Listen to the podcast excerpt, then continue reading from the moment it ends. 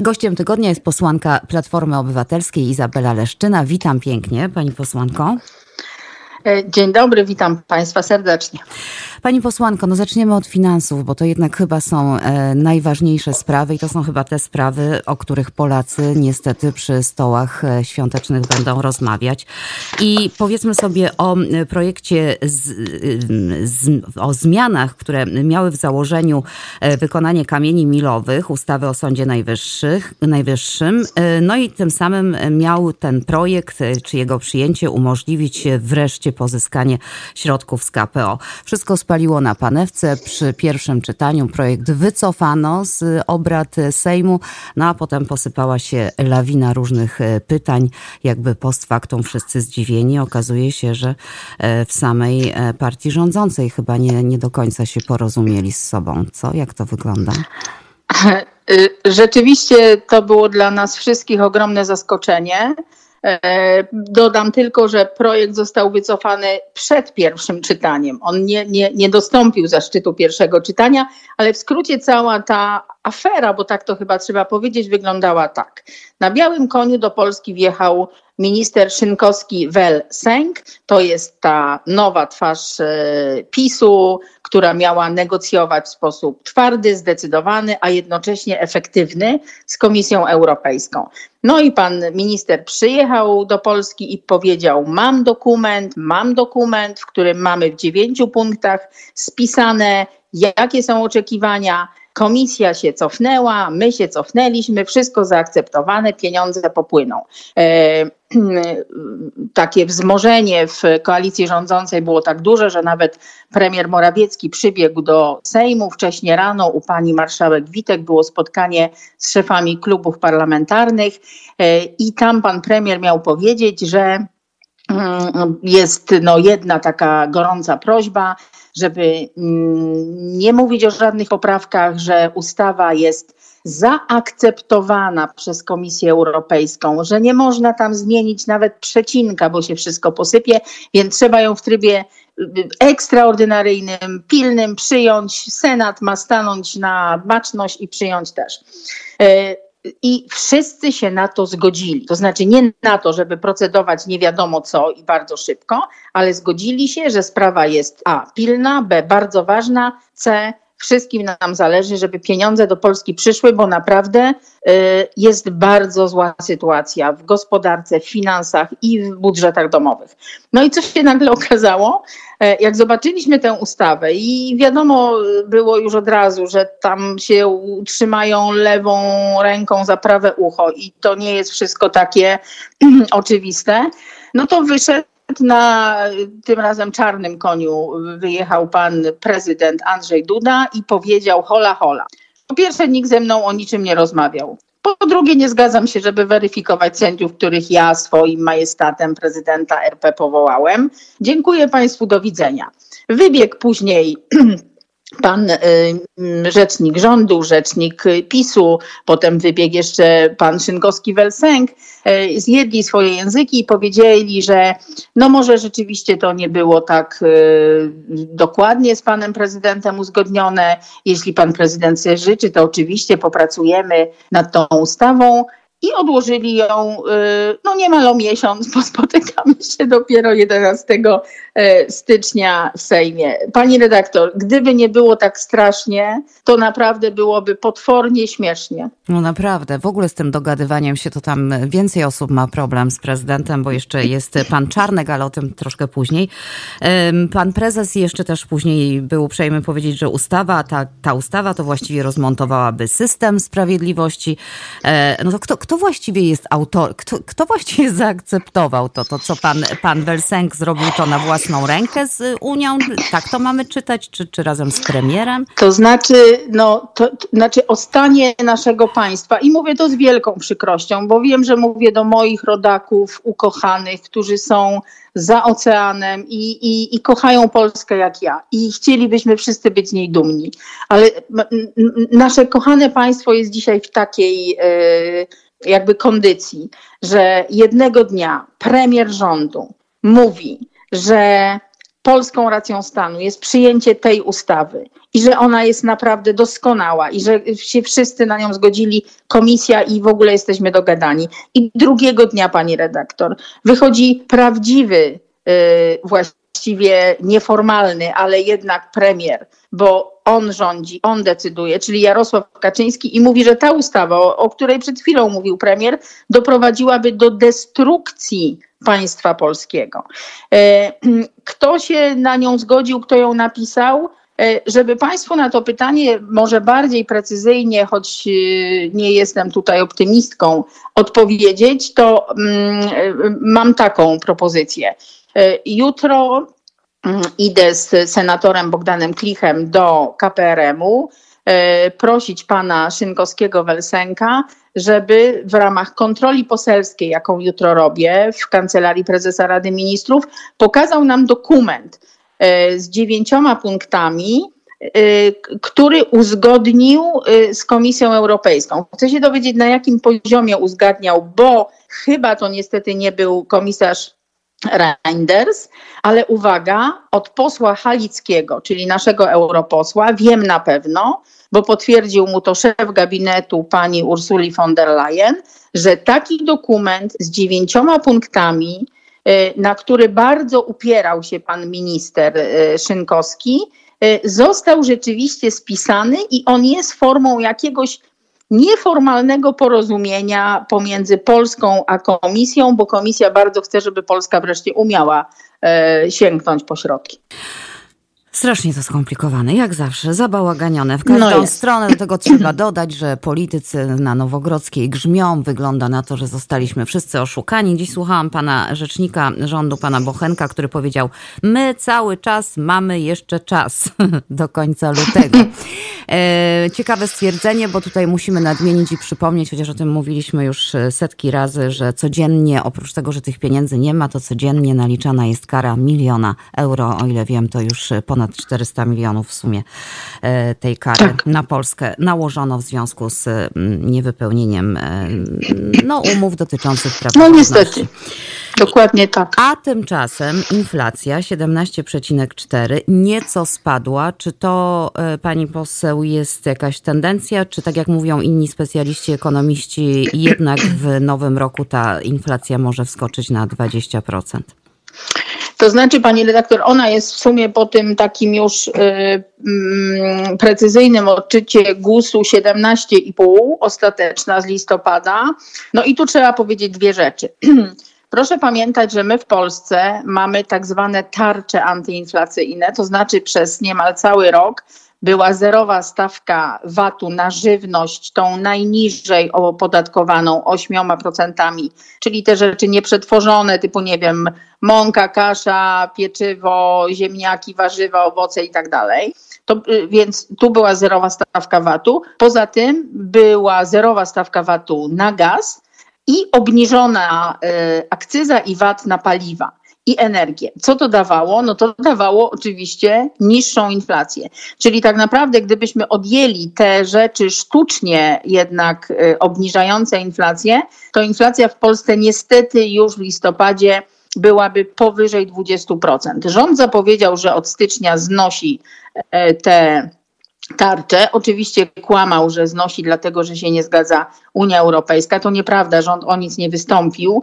Znosi je, bo po prostu nie ma już pieniędzy. Zostanie tylko zerowa stawka na y, żywność, tą na, na, na, na, najtańszą. I teraz to, co to znaczy? No jeśli wycofamy się z tarczy antyinflacyjnej, którą wprowadziliśmy, jak inflacja wyniosła 10%, a zdejmiemy ją, jak ona jest prawie 18%, no to znaczy, że ona w przyszłym roku będzie powyżej 20, a, przy, a albo około 20, no bo cudów nie ma, tak? I, inaczej się to nie odbędzie. Więc to jest jedna rzecz. Niestety ona e, podskoczy po nowym roku. I druga rzecz jeszcze ważniejsza, bo ona tak dotyka wprost ludzi. E, mm, no, PiS może nie jako sukces, ale jako stabilizowanie się sytuacji inflacyjnej ogłosił, że ona przestała ta inflacja rosnąć. Czy tam o, o 0,4 punkta procentowego spadła. Tylko uwaga, jak ekonomiści obliczyli, ta tak zwana bazowa, czyli ta niezależna od zewnętrznych czynników, niestety wzrosła. I druga rzecz, jeśli inflacja jest około 18%, mm, to znaczy, że i, i nawet jak ona spadnie do 17,5, to co to znaczy? To znaczy, że ceny rosną ciągle, może tylko mniej dynamicznie, mniej szybko. Czyli w Polsce mamy taką sytuację, że realne płace spadają, czyli siła nabywcza e, naszych wynagrodzeń, naszych pensji y, ciągle spada, możemy wciąż kupić mniej i ten proces będzie trwał przez cały przyszły rok. No i to znaczy jedno, znaczy polskie społeczeństwo po siedmiu latach rządów PiSu e, biednieje, ubożeje. I, i to, to dotyczy wszystkich, to dotyczy najbiedniejszych, tych na transferach socjalnych, ale dotyczy też klasy średniej, tej, tej, tej tak po polsku klasy średniej, czyli ludzi, którzy zarabiają e, średnią krajową, czy trochę poniżej w okolicach 5-6 tysięcy złotych miesięcznie. Y, wszyscy w Polsce biedniejemy. Ci, co mają oszczędności, biednieją jeszcze bardziej, bo im topnieją oszczędności. Ci, co żyją z miesiąca na miesiąc, y, coraz bardziej brakuje im pieniędzy, żeby związać koniec z końcem. No i przedsiębiorcy, ci, ci mali przedsiębiorcy, te rodzinne firmy, to jakaś e, masakra jest, ja jak rozmawiam ze znajomymi. Tam jest dramat. Mhm. Tak, jedno zdanie tutaj. Niestety rząd nie uznał za stosowne, żeby jakąś tarczę dla tych y, choćby mikro i małych przedsiębiorstw zastosować. E, jeśli gaz drożeje o kilkaset procent i nie będzie żadnej osłony dla piekarni, dla pizzerii, dla gastronomii, właściwie dla każdej małej działalności, bo wszyscy y, potrzebujemy energii, e, obojętne z jakiego źródła, a niestety odnawialne źródła energii w Polsce są przecież w powijakach. Więc to rzeczywiście ma Pani rację, to jest ogromny problem. I, i, I sama znam wiele takich firm, zresztą do biura przychodzą do mnie przedsiębiorcy, którzy mówią, że, że, że naprawdę y, wygląda to bardzo, bardzo źle. Firmy się zamykają, ludzie przechodzą gdzieś tam, słyszałam, przedsiębiorstwo y, rodzinne, lata, lata działające, w tej chwili zamknięte. Ludzie idą gdzieś na budowę w desperacji do pracy, jeśli w ogóle taka jest. Najnowsze badania mówią o tym, że 80% y, społeczeństwa w Polsce uważa, że zubożało. Też coraz więcej osób jest chętnych na różne darmowe obiady i tak dalej. No a tymczasem to tylko, żeby zamknąć ten temat finansów, w świetnej formie jest prezes Glapiński, który mówi, że jest dobrze i podążamy w stronę Francji. Jak dojdziemy do tej Francji, to pani posłanka nam o tym opowie przy jakiejś następnej rozmowie. A tymczasem, Bardzo chętnie. A tymczasem ja chciałabym zapytać, o co chodzi z tą sprzedażą rafinerii gdańskiej. 30% udziałów e, sprzedane Saudi Aramco za jakąś śmieszną w ogóle cenę. E, bardzo dużo niejasności w umowie, ryzyko sprzedaży e, w tej chwili, na przykład Rosji. No i Saudyjczycy przy tych swoich 30% ponoć mogą, mają prawo prawo weta. O co chodzi w tej sprawie? No właściwie chodzi dokładnie o to, co pani powiedziała, o to, że spółkami Skarbu Państwa w Polsce rządzą y, nominaci PiSu, mm, nie wiem, jacyś ulubieńcy prezesa Kaczyńskiego. Mm, ja kiedyś powiedziałam w Radiu Z, y, że mm, no, pan prezes Obajtek to najgorszy prezes jakiego e, miał Orlen, że miał przeszłość e, taką dosyć niejasną, biznesową, czy wręcz szemraną, bo przecież był oskarżony o oszustwa, że wprowadził do Polski przyjaciół Putina mm, i że łupi Polaków na marży. I proszę sobie wyobrazić, że prezes Obajtek za pieniądze podatników, bo to prawnicy Orlenu, jako jego pełnomocnicy podali mnie do sądu, więc mam sprawę z E, prezesem Obajtkiem, ale i tak nie zmieni to faktu, że e, oceniam go tak, jak oceniałam i tu zdania nie zmienię. E, I to, co się dzieje wokół tej mm, najpierw fuzji Orlenu z Lotosem, a potem sprzedaży Saudyjczykom, to jest po prostu skandal bo jeszcze dzisiaj właściwie złapaliśmy y, premiera Sasina na kłamstwie, no bo tydzień temu, czy, czy, czy nawet dwa tygodnie temu, mówił, że absolutnie ta umowa zabezpiecza wszystkie interesy Polski, że nikt nie będzie mógł sprzedać tej, y, tych 30% y, lotosu bez zgody rządu. A tymczasem okazuje się, że dopiero od 1 stycznia wpiszą mm, Lotos na listę takich spółek, do, co do których sprzedaży wymagana jest mm, decyzja i zgoda rządu. I teraz uwaga. Przepraszam, na całym świecie prawo nie działa wstecz. Jeśli Saudyjczycy podpisali umowę, w której, mm, przy której nie mieli informacji o tym, że będąc właścicielami 30%, nie będą mogli swobodnie dysponować swoją częścią e, i swoimi udziałami, swoimi e, akcjami w tej spółce, mm, no to myślę, że każdy sąd na świecie przyzna im prawo do tego, że jednak mogą zarządzać tak, jak chcą. A drugi skandal, pomijając już te kwestie polityczne, wszystkie, że naprawdę Arabia Saudyjska Mm, właściwie współpracuje z Putinem e, i to jest dla nas bardzo, bardzo niebezpieczne, e, no to jest jeszcze kwestia ceny, o której pani powiedziała. Mm, sprzedaliśmy to za mm, miliard chyba tam z jakimś kawałkiem. Miliard i jakieś tam 100 milionów złotych. E, I teraz uwaga, zyski, jakie Lotos przyniesie a właściwie to już przynosił w ubiegłym roku, więc możemy się też do historycznych, czyli w tym kończącym się, e, to e, całoroczne e, szacowane są nawet na 10 miliardów złotych. E, czyli właściwie e, sprzedaliśmy no, za psie pieniądze, znaczy za nic po prostu. Oddaliśmy Lotos, e, w który w ostatnich latach zainwestowaliśmy też z pieniędzy podatników około 10 miliardów złotych.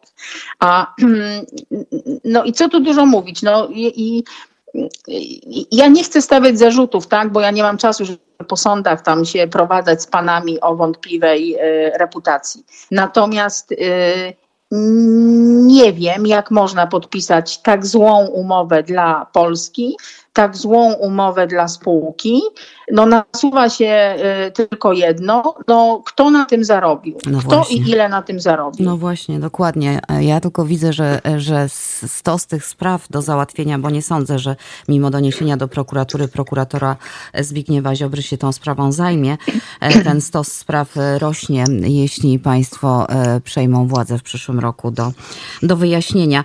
E, fajerwerki podobno w Warszawie tu jakoś przed czasem wybuchły, to znaczy te fajerwerki, nie wiem czy to były noworoczne, generalnie nie wiem właściwie czy to jest śmieszne, wybuch w komendzie głównej. E, okazuje się, że pan komendant główny przywiózł z Ukrainy prezenty, a wśród tych prezentów e, jakiś ładunek wybuchowy, który e, rozwalił połowę siedziby komendy głównej. Właściwie nie wiadomo co rozwalił, bo tam jakieś ciągle wszystko jest zgmatwane, jak zwykle ukrywane, ale wiemy już dziś od ministra Kamińskiego, że dymisji Jarosława Jarosława e, Szymczyka nie będzie.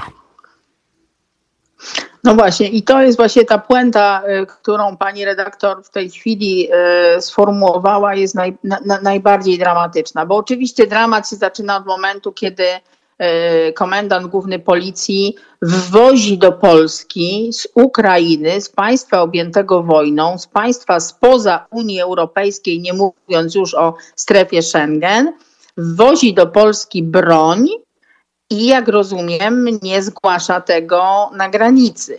No bo jakby zgłosił tę broń na granicy, to musiałoby wszystko przejść absolutnie taką formalną procedurę i pewnie nie mógłby wbiec sobie do swojego gabinetu z tym granatnikiem czy pociskiem do granatnika. Ja nie jestem tutaj w, w ogóle y, ekspertem żadnym, więc E, koledzy mówią, że no granatnik to chyba nie mógł być, bo to za wielkie, że to był chyba pocisk do granatnika. E, cokolwiek to było, rozwaliło trzy piętra w komendzie, e, trzy osoby ranne. No i w ogóle jakiś no, no, totalny skandal, co więcej. Pan Kamiński nie dość, że y, powiedział, że w ogóle nie widzi żadnego problemu, że człowiek, e, nie wiem, jakąś naładowaną broń y, wnosi do swojego gabinetu, przemyca przez granicę, a potem y, jak, jak jakiś amator mu to w rękach właściwie e, te, te, ten granatnik wybucha. E, I, I powiedział, że w ogóle nie widzi żadnego problemu w tym. E, to jeszcze mm, no, oświadczenie komendy było e, kuriozalne i koszmarne. Na Kremlu nie szampany strzeliły, bo mm, właściwie no, i, i takie pytanie postawione y, i, i sugestia, że to strona ukraińska no, jakby dała E, e, teraz strywializuję. Zamiast wódki dała y, pocisk jakiś do tak, granatnika, słysza, tak? Słyszałam te sugestie, że to może było celowe działanie. Ja myślę, pani posłanko, e, czas nas goni, ale ja myślę, że tutaj trzeba będzie zaangażować ministra Macierewicza do rozwiązania tej sprawy.